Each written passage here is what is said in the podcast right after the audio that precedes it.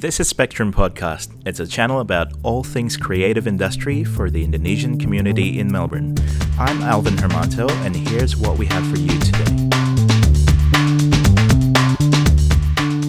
Guys, if you're into horror movies or horror stories, particularly the ones that come from Indonesia, this one's going to be interesting for you because our next guest, Tito Ambyo, is a lecturer in journalism in RMIT University, but he is a PhD candidate who focuses a lot on digital ethnographic, particularly in the areas of horror storytelling. So this one's very interesting. I really enjoyed the chat. Hopefully, you guys do too.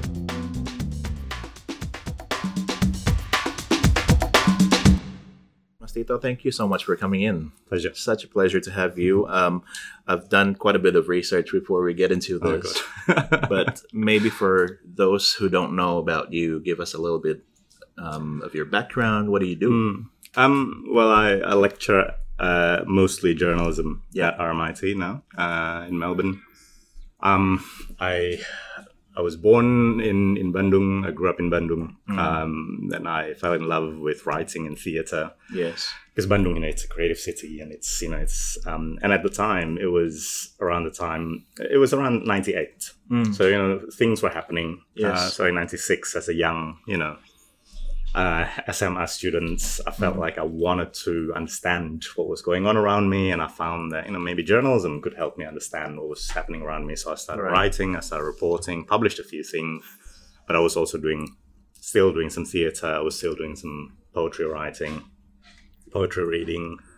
Um, I got involved with punk as well in Bandung, you know, um, but it was because you know, So I the local punk scene. yeah, yeah, and uh, but it was just because I wanted to understand what was going on, and then '98 happened, um, and that's when I realized, oh yeah, it's I, I needed to, and you know, I, I, yeah, again, I, I wanted to understand what was going on, so I started writing more and more.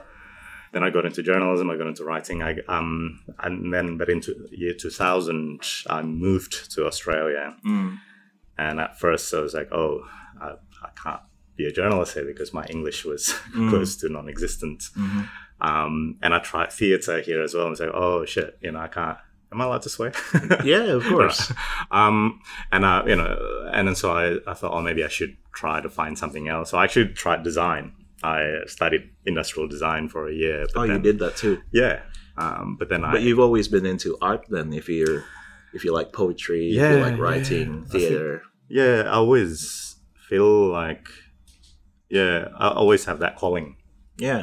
Like I, I always wanted Did you know to- that since you were little? Uh, well, there, there's a funny story that my mom used to tell me. Um, my mom told me when I was when I was little, wh- whenever we watched films together in the lounge room, in the family lounge room, at the end of the film, I always told my mom, you know, why why didn't we give the, the bad people a chance? Why didn't we try to understand Yeah. the bad people? And that's, I think, for me, that told me, and my mom told that story quite recently, and I was like, oh my god, yeah, I think somehow growing up in Bandung, looking at what was happening around me, helped the young Tito to develop the empathy to sort of go, you know, bad people exist for a reason. I want to understand Yeah. them, and Yeah. so I've always had that. I've always had that calling to try to understand a world that I didn't understand. Yeah, yeah. So I guess you're you're already being critical at such of a young age back then that you started to question things about, you know, why don't we give the chance to the bad people? Mm. Why can't we twist the story a little bit or I don't know, like do things like that? Yeah, And then during SMA, you started questioning about the, uh, you know, like the the national situation in Yeah. Indonesia and why things like that happening, and that made you wanted to write and explore your, I guess, um, your creative avenues, whatever that was in terms of whether Yeah. it's theater, writing, or you thought of doing design, stuff like that, right? Mm. Um, do you see yourself as someone who uh, who questions a lot of things and curious and critical even? yeah. And you like punk music as well, which means Look, to be honest, I I didn't really enjoy the singing because there was Okay. a lot of violence uh, at Yep. the time. Um, but it, it- the violence existed for a reason as well. yeah, Um, when I tried uh, going into the punk scene in Australia, I was like, "Oh my god, this is so nice!" no one's trying to punch me. Yes. um, but I, I knew that punk had something to offer to Indonesia at the time. Yes. Um, so uh, yeah, I always was interested in you know how can I contribute to helping people understand what was going on. Um, then I moved to Australia, and then somehow found myself working for the ABC, and so I worked at the ABC for about seven or eight years As a um, journalist? as a journalist, which it's it's the best time of my life, you know, and uh, it's it's great. And ABC is you know it's a great organization. It has its its problems, obviously, but yeah. Um, but after eight years of teaching, uh, sorry, eight years of being a journalist, um, again that desire to to go deep into something uh, just called me, and I was okay. I, I want to try to be a researcher, and then luckily someone was trying to find uh, someone at RMIT was trying to find someone to teach journalism at RMIT, and you know, RMIT has a really good journalism program. Yep. So I was very happy to say yes to, and then I moved to RMIT, and now I'm doing my PhD. Yeah. Um, and teaching journalism, which is great. So really, Yeah. yeah, So when you came to Australia, that was year 2000, you were saying? Yeah. That's for your bachelor's, is that right? For Yeah. university, basically? yeah. And as you know, we have to do the foundation. Yes. You know. Yes. Where did you, was it in RMIT or was Yeah. it somewhere else? In RMIT. So you graduated from RMIT as well yourself? Um, no, I didn't finish at RMIT for my undergrad. I then moved to La Trobe because to La Trobe. I wanted to study anthropology. Yes. Um, so after a year of studying industrial design, I, I realized that wasn't Oh, really for me. So you did industrial design first before getting anthrop- into Yeah. anthropology. What what what caused the shift between industrial design and anthropology? Was there a specific event that you can remember that made you wanted to make Uh, that jump? I failed the course. that was probably one. Yes.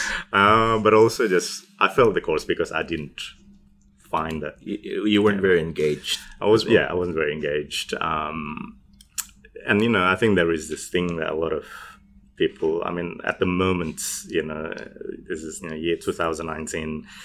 Things are happening in Indonesia, and sometimes as a migrant, you feel that I don't know. That's the almost like the feeling of guilt. Mm. You know, like you're here in this beautiful place, and meanwhile, there's all these things happening in Indonesia. I want to be able Yeah. to contribute. So at Yeah. the time, I was like, okay, industrial design is great, you know, mm. but I think that's not my real talent Yes. and my real, you know, passion. Okay. Um, so now you're doing your PhD or PhD candidate, Yeah. right? Um, and as I said, I was doing a little bit of research about you, and it it's very interesting that you're doing a lot of writing around spiritual spirituality, um, about storytelling, but particularly around um, ghosts as well. Yeah. Do you want to talk to us a little bit about that? What, why that subject? Um, well, I think the story that I tell people is I wanted to write about. I knew that I wanted to write about digital cultures because you know it's just our lives now, right? And um, I knew I wanted to write about storytelling, uh, and I knew I wanted to write about something about Indonesia. So, in terms of the storytelling, that I asked myself, what's the most powerful form of of stories of storytelling in Indonesia that a lot of people in Indonesia love. And and then I started looking at oh maybe romance. You know, Indonesians love is like K-pop drama and Yes, those kind of things. yes. You know, Sinetron. yeah, sinetron and all this stuff. But then I found there's already a lot uh, that have been written about sinetron and about you know this Yes. romance stuff. And, and then I said, well, hold on, there's something even stronger than stronger than love, which is fear, uh, um, which is you know ghost storytelling. Yes. You know, I don't know if, if you have the same experience, but growing up in Indonesia, telling ghost stories to each other, it was a rite of passage. It is a culture, isn't it? It is, yeah, you, and it's it's a part of bonding as well. Yeah, yeah. thing. Um, and I, I found it interesting as well that it's also uh, it's men and women. You know, it's um, I mean the stories were probably a little bit different. Uh, the stories that the men were telling to each other and the stories that the women were telling to each other, uh, they're probably different. But we love sharing ghost stories. So I realized, okay, maybe maybe some, there's something about ghosts here. And now, you know, looking at some of the best films coming out from Indonesia in the last few years. It's been horror films. you know, Horror so I think films, yeah. and Australia as well. You know, there's some really cool horror Yeah. films coming out from Australia. So I, I wanted to explore that, and Mm. so now my study is basically looking at new and old ghost stories um, on the internet uh, that are shared by Indonesians. Mm-hmm. Yeah. So I still look at kuntilanak, and Yeah. you know, I still look at pocong. Yeah, because you focus on the digital medium as well, Mm. right? So I'm looking at the way It's being delivered. yeah, people tell stories about kuntilanak, about pocong uh, in digital forms, but um, I'm sure you've heard about the Desa Penari Mm-hmm. thing.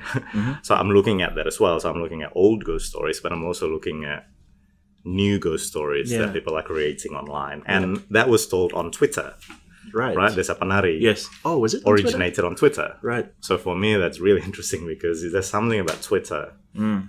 about that form, that digital form, uh, that allows this kind of storytelling. Yes. Yes.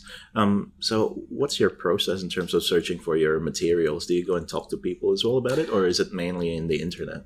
Yeah, it's um, I'm working with uh, amazing supervisors, John Postill and Ramon Lobato at RMIT, and John John is an ethnographer, an anthropologist. So Yes. my method is Yeah. ethnographic, um, but it's kind of an online ethnographic thing Mhm. where basically I I hang out with people, but online. Mm.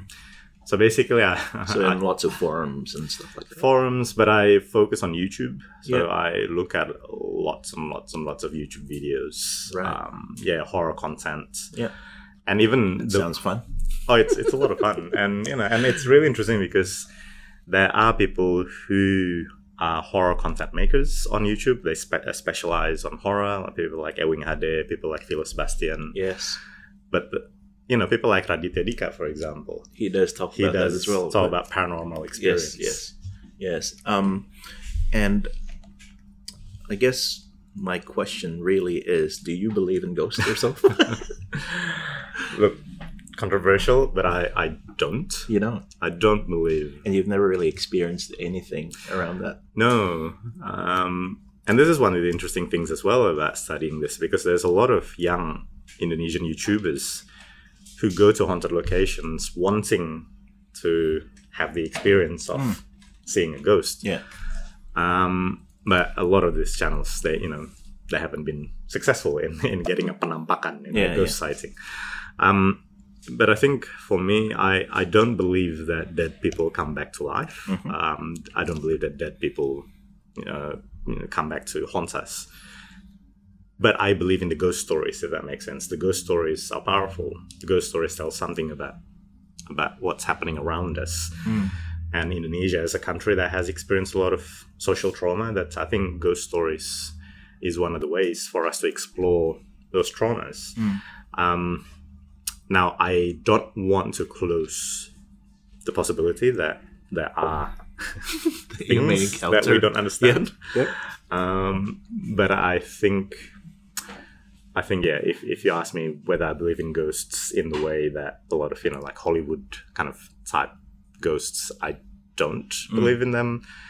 But I think there's something about something powerful about about the spirit, Yeah. about you know things that are happening around us. Yeah. Do you think the way we, as Indone- Indonesians, or even just Southeast Asian in general, because they're very similar. I find Thailand, Philippines, Malaysia, like they're very similar in terms of their perspective on the spirits and the ghosts. Even like the Kuntilanak and the Pontianak is very similar. yeah, yeah. Um, do Western countries see it differently from your point of view?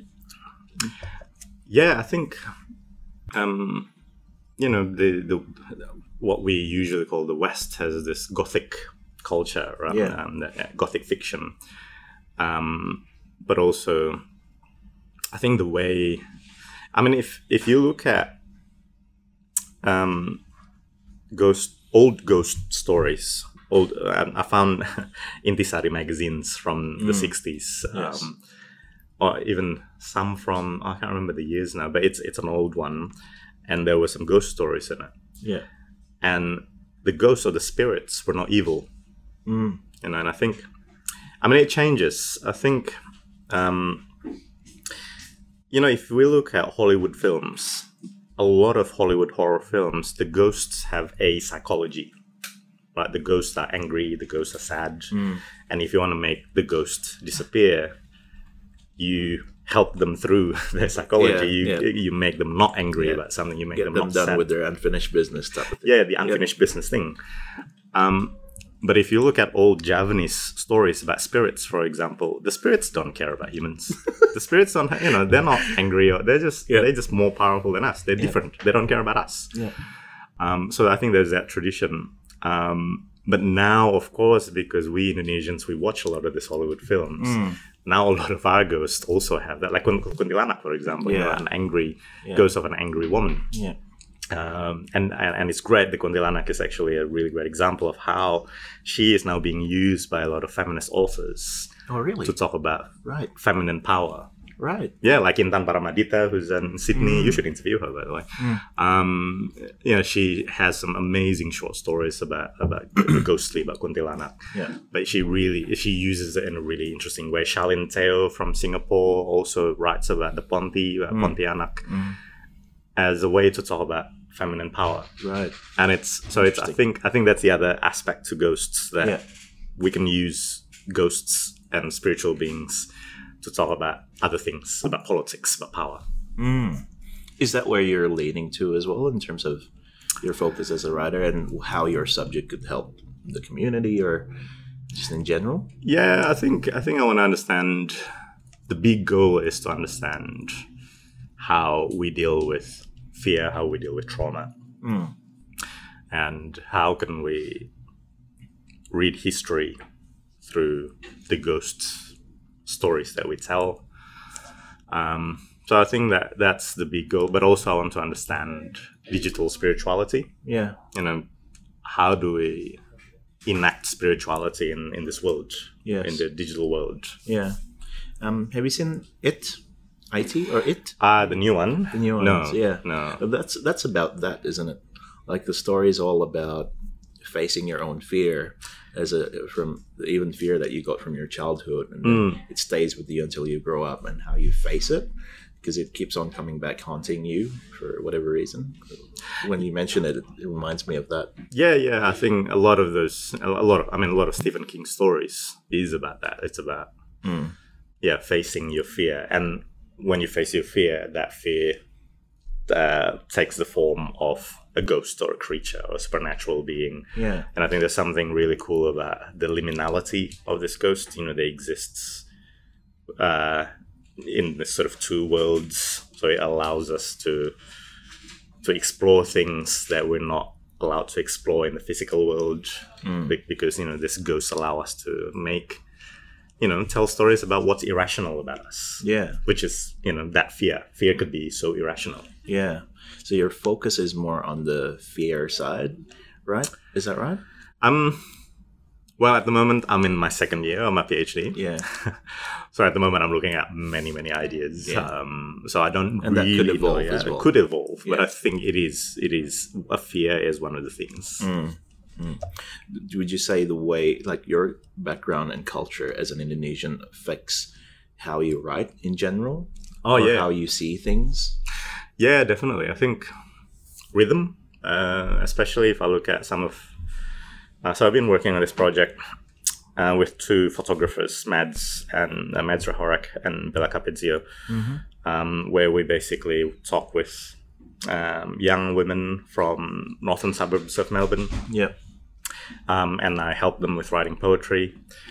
And I also write a few uh, poems uh, for this project.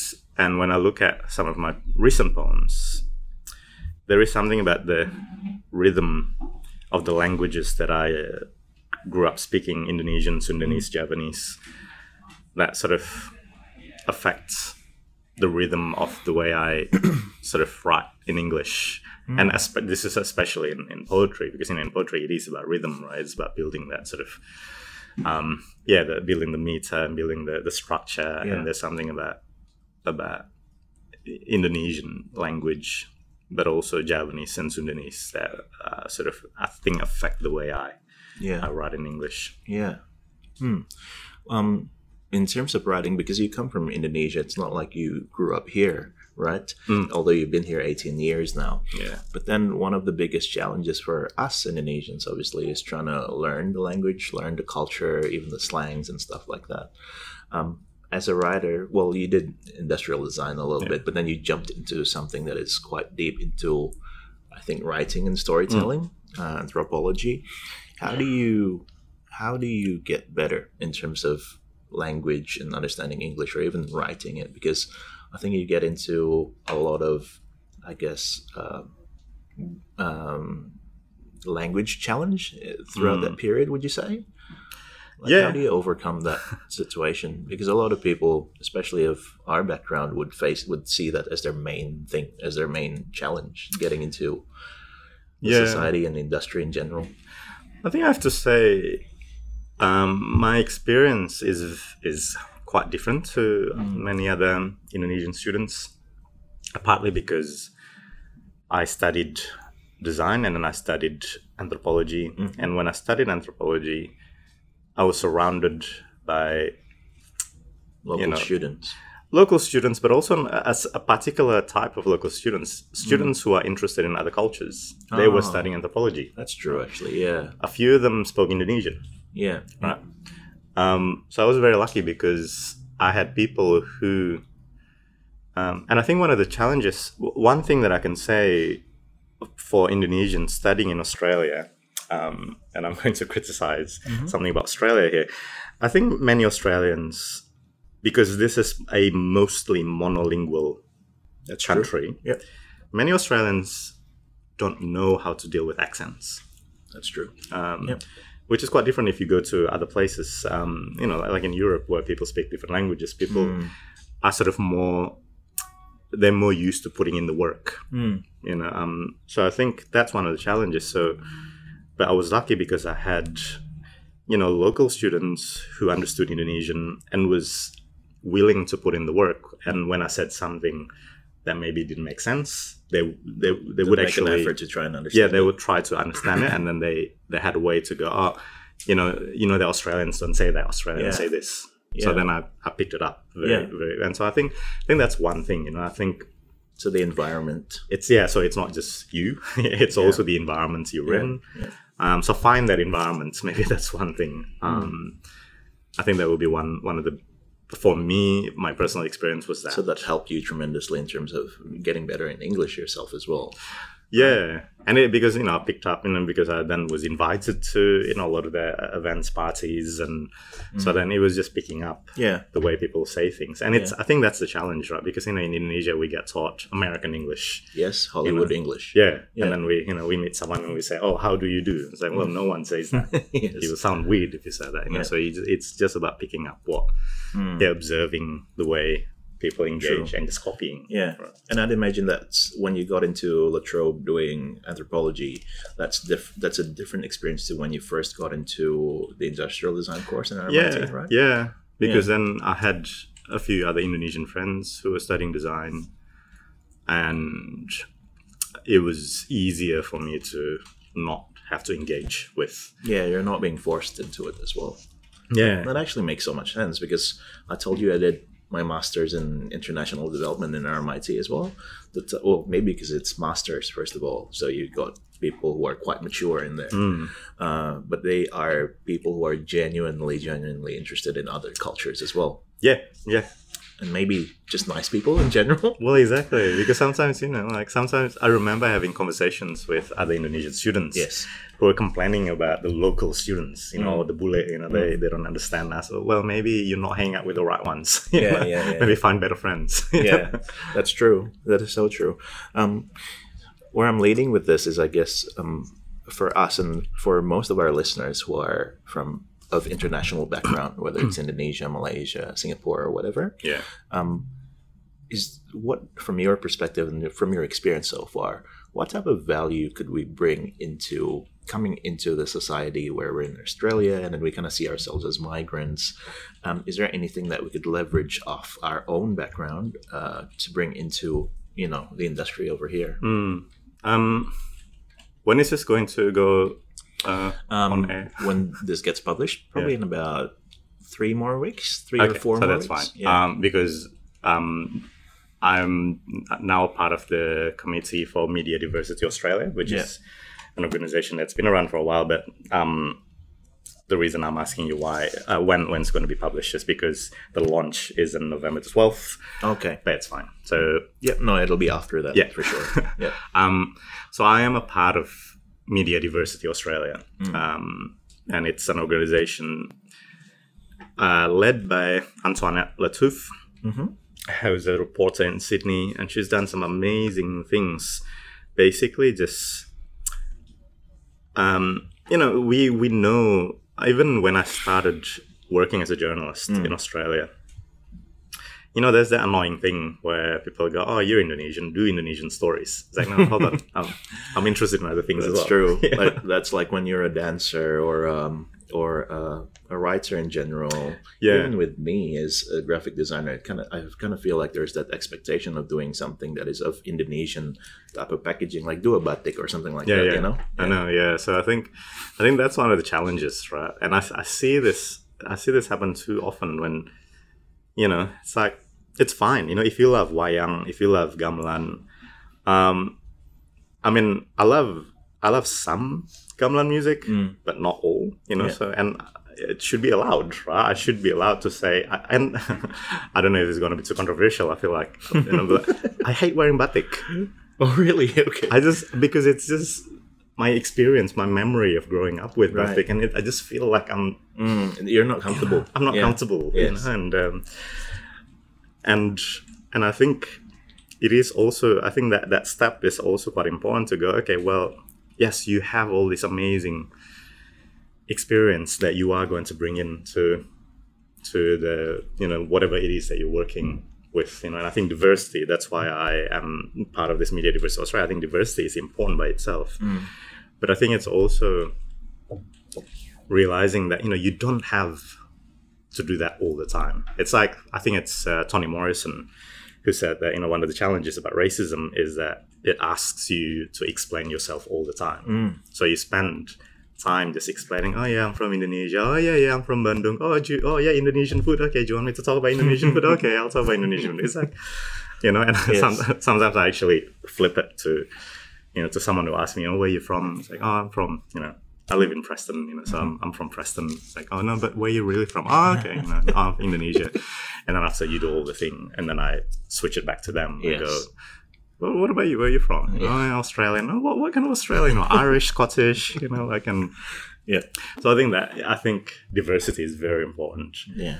Um, but I think, and don't, don't be ashamed, you know, to use that to say that I have an experience that you don't have. Mhm. Um, but even, you know, in this table, we are diverse. We have different experiences sure. of life. And Yeah. I think it is about having that confidence to say, okay, I love Wayang, but I also love Manchester United, Mhm. and I love, and you know, I'm I'm a liberal Muslim. Mm. I'm something. So you, you are a complex person, and I think it is about bringing everything to the table, not just, oh yeah, I'm Indonesian, Yeah. and I can and draw by a single brush. Yeah, that's true. Um, in your career so far, so you've done journalism, Mm. and then your main job now, obviously, is as a lecturer. So, Yeah. Right, while completing your PhD, what's if you could think of the one biggest challenge that you've had so far in your career, what would it be?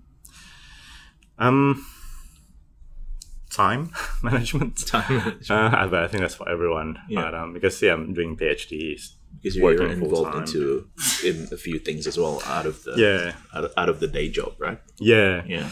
Um, but I think, I think one of the biggest challenges, and if I think about my students, um, because you know my challenge of teaching them is is the challenge that they're facing today with the changing world. Mm.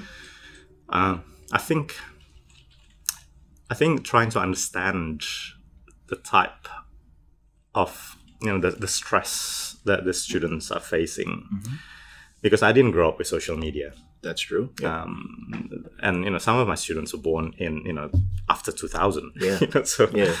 um, so I think just trying to understand that, trying to understand that, oh my God, the world has changed so much and so quickly in the last I don't know 20 years Mhm. that as a journalist, I feel like we need to keep changing the way we do things. And I think it is. I think the challenge has been, you know, trying to keep up with the change, but also trying to go, okay, what's what's the fundamentals that we can't uh, lose? Mm-hmm.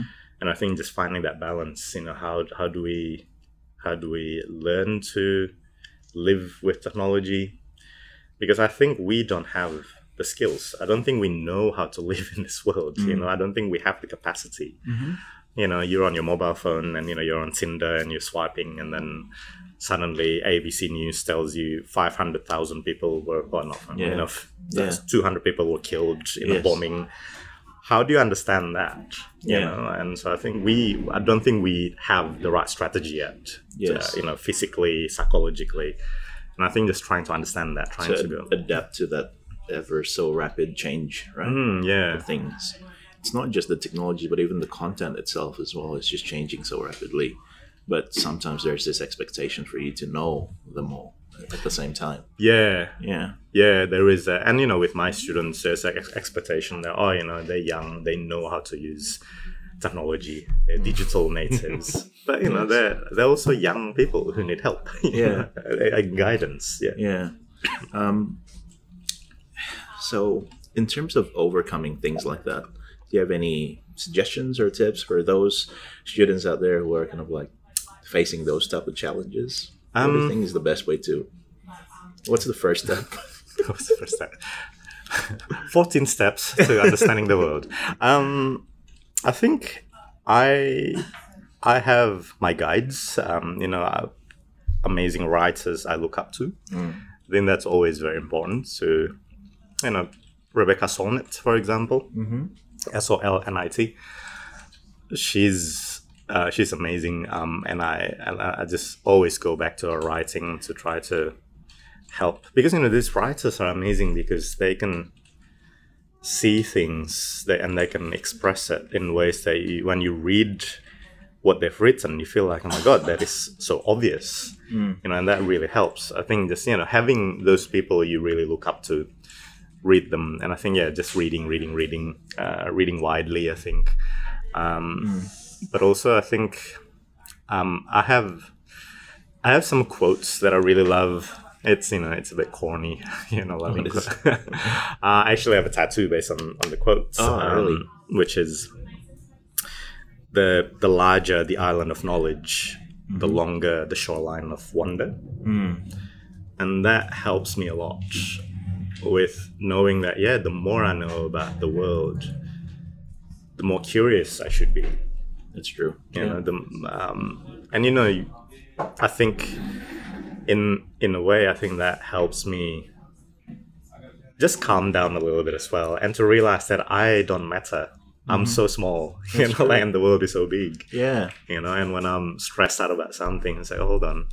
You know like i am being pushed and which is a good thing but also i don't matter there's That's a right. universe who you know doesn't care about me Yeah, and that's you're nice. so min- like your size is such a small, minuscule Yeah. thing, like as opposed to the universe. And um, I listen to a lot of Neil deGrasse Tyson, by the way, yeah yeah right? And he does talk about that. And I think there was one question I can't remember who asked it. It must have been like someone like Larry King or something, someone like that. But someone popular asked him, um, "Why do you know so much?" Because people always like in his shows, it's always like people asking him about astrophysics physics and Yeah. just the world, universe, and stuff like that. And he always seems to know what the answer is, and he knows how to react to that. And so Larry King was asking him, "Why do you know so much about the universe?" yeah and then the way he answered it is exactly that the, the quote that you just pulled out but he was saying that um, it's not that he's smart or he knows more than the others he's just a lot more curious as soon as he finds out about something then there's more things that he could discover. Yeah. and it's just never ending that process or that cycle. So i guess um, i guess that's just part of the process right? Yeah. In life. And I think yeah, just yeah, I think when you realize that it's it's nice, mm. you know, yeah, Yeah. So there's a lot of um, young students and young kids out there who aspire to be a good writer. Oftentimes being a writer is probably the goal because they know that oh to produce something then they need to be able to write whether they are inspired by the animes or the manga or Mm. uh, the hollywood movies and stuff like that um, but from your point of view what what makes a good writer Um, what makes a good writer? Um, that's hard, actually. Um, I think if you if you ask me what can help make a good writer from experience teaching, number one, uh, curiosity, like what we discussed before. You know, always be curious. Uh, but I think it's also that you know if you have that calling, if you feel like you need to write, then you're a writer. Mhm. You know, and I think realizing that, but also I think um, just grit, just discipline. You know, I think it's just about. Um, I mean, I, I remember when I first learned how to write in English.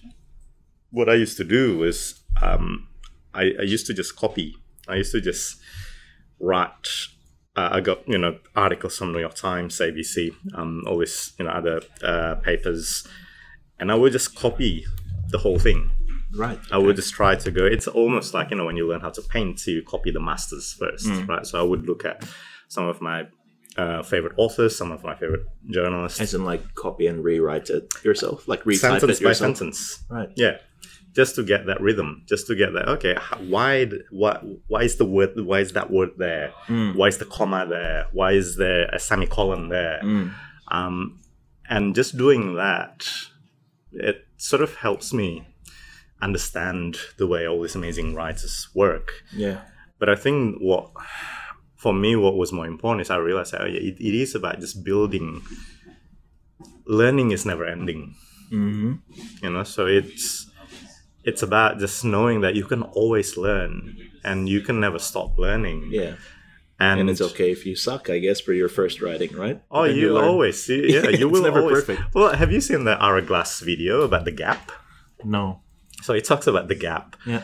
where um, basically he says um, if you are creative if you become involved in something creative you become involved because you have killer tastes. Mm. when you see a good you know a well-written novel you know it's good and it inspires you. And you know oh, i want to write that right? And then you try to write that. So this is your tastes Yeah. but your skill level is here. Mm.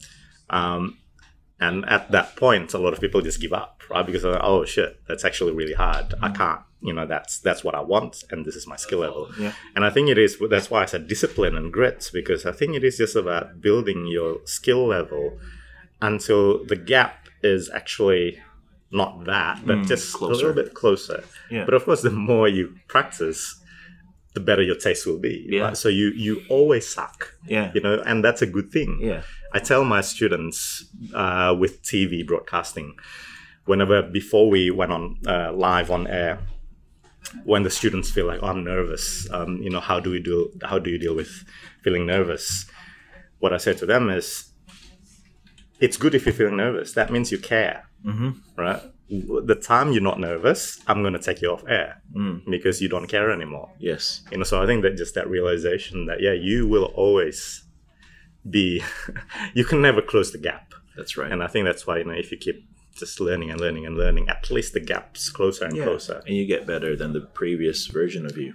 Yeah. Yeah. Yeah. And hmm. that's why when you look at i mean I, I did this recently. I looked at some of my old stories and i just couldn't read them. I was like god so shit. Yes Yeah. yes. Um, but you know that which is great which means you know that you're you've progressed to something and you've become better exactly And it's a great feeling sometimes knowing what you produce right now versus to what you produced five years ago, for example. Yeah, although having said that, Hmm. I do wonder uh, whether if I read some of the stuff that I wrote when I was much younger, I think I think I'd be impressed. Yeah. You know, because when, when you're when you're very young, you just write things without thinking too much about Mm-hmm. what people think. Yes. So uh, sometimes I feel like oh, I should have kept that diary. You know, like Yeah. Um, uh, I think it was either Liam Gallagher or Noel Gallagher from Oasis Yeah. that said this, but they were talking about they could never write something as good as it used to be for Oasis, the band, because back then they were writing without thinking too much about everyone else, um, and they just get to express what they want, and they were in different life circumstances. It was a lot harder for them back then. That there's no way they think like being so wealthy right now. There's no way they could do something like that. They say, Yeah. which kind of makes sense as well. Yeah. very very interesting. Um, so uh, we had uh, uh, Mbak Lily. Oh, yeah, she's great. Yeah. So and I kind of ask her the same question: What makes a good writer for people who wanted to be a good writer? Because it's it's more than just being a writer. And then from her perspective, it's really about telling stories. Like you need to put yourself into a good storyteller's perspective Mm. rather than just technical writing. Do you agree to that? Yeah, I think. I mean, I'm. I'm. I think technical skills is very important. Partly because, um, you know, you if they're like, uh, it's a toolbox of things. Yeah. Right? So when you're trying to write something, and when it doesn't work, you know, you go, oh, maybe I, I'll use Yeah. a different technique. I use a different technique, and um, but I think I think she's right. I think, like what I said before, you know, if you have that curiosity, if you have that feeling that, oh yeah, I, I want to tell stories, I want to write, then you know you're a writer and you need to honor that. And maybe you care more as well because you have this genuine curiosity on the subject, for example. Yeah, yeah, I think that, that empathy is very important. Um, so I think, yeah, I think I agree that if you if you have that desire, if there is even the smallest voice in your heart that says you need to write, Yeah. you need to do something, Yeah. do it. Yeah. Um, yeah, and um, who's the the internet envoy? What's his name? Aaron. What's Aaron. Oh, I can't remember his name now. The Internet's Own Boy. He's he was a young hacker who uh, sadly passed away uh, when he was very young. Um, and but he developed Creative Commons, for example. He developed all these amazing things that we are now using. yeah. Um, and he was very idealistic, and he said um, when he was still alive, obviously, he said, you know, what's the most important thing uh, for you to do right now, and if you're not working on that, why? Right. So I think that uh, that inspires me as well. You Yeah. know, it's like you know, if you feel that desire to tell a story, Yeah. Spend time and i think it's it's easy for me to say because you know i don't have kids i don't have you know like, um, so i have i can just focus on writing Yeah. but i think from talking with writers with kids writers with mortgages you know Yeah. i think it is just about doing it every day you Yeah. know half an hour here half an hour there It's a balance of what's practical and emotional. yeah Yeah. Um, is the subject important? Like for you to be a good writer, is it important for you to pick the right subject? Yes, and this is this is me talking from experience of teaching, where I have had students who just couldn't. I, I knew that, uh, for example, this one student, I knew that he he's talented. I knew that he could write, but whenever I read his stories, it's always just a little bit, you know, like there's something here that's not working. Um, then I so I had a chat with him, and I was like, you know, you, you're writing all these things, but I just couldn't get into it. I could see that you're a good writer, but you, I can't. I, I felt like you're not really putting 100% into it. Yeah. And it turned out that he's been writing things that he thought I wanted him to write. Mm. So he gave me ideas about, oh, you know, I want to write about, write about politics. I want to write about, you know, Right. culture, blah, blah, blah. And I was like, but are you actually, do you actually like writing about these things? And he's like, oh, not really. Hmm. You know, it's like, no, fine. And then so I had a chat with him, and I f- we found this one subject that he start when he talked about it, he, it, he his face changed. Yeah. And I was like, Yeah. there you go, write about that. Yes. And I think as a beginner writer, that's very important. Yeah. You know, because I think for me, if I'm writing and I'm not enjoying myself, you know, why do it? Yeah. But so if but when you're a professional writer, you know how to write. So mm-hmm. you don't have to really like what you're writing. You can still create something good. But I think mm. as a beginner writer, find that subject that you really love writing about. So that so then you know when you have time to write, you, you look forward to it. You want to understand it. You want to write it. So I think yes, the subject is very important. Mm, But if you work in, say, like an ABC, for example, if you work for a company and you're a journalist, do you get to pick? You don't really get to pick the stuff that you like, right? Well, not means- until you have enough experience Yeah. and not until you develop Yeah. um, relationships with editors. Um, but yeah, your first two years as a journalist here in Australia, I would say, or even worse in Indonesia, you would just be given assess- uh, uh, assignments. Assignments. Um, but I think if you have that one thing on the side Mm. that you keep working, I think that's the key. Mm. It'll keep you sane as well. Yes, Yeah. like this this podcast. like this. That's right.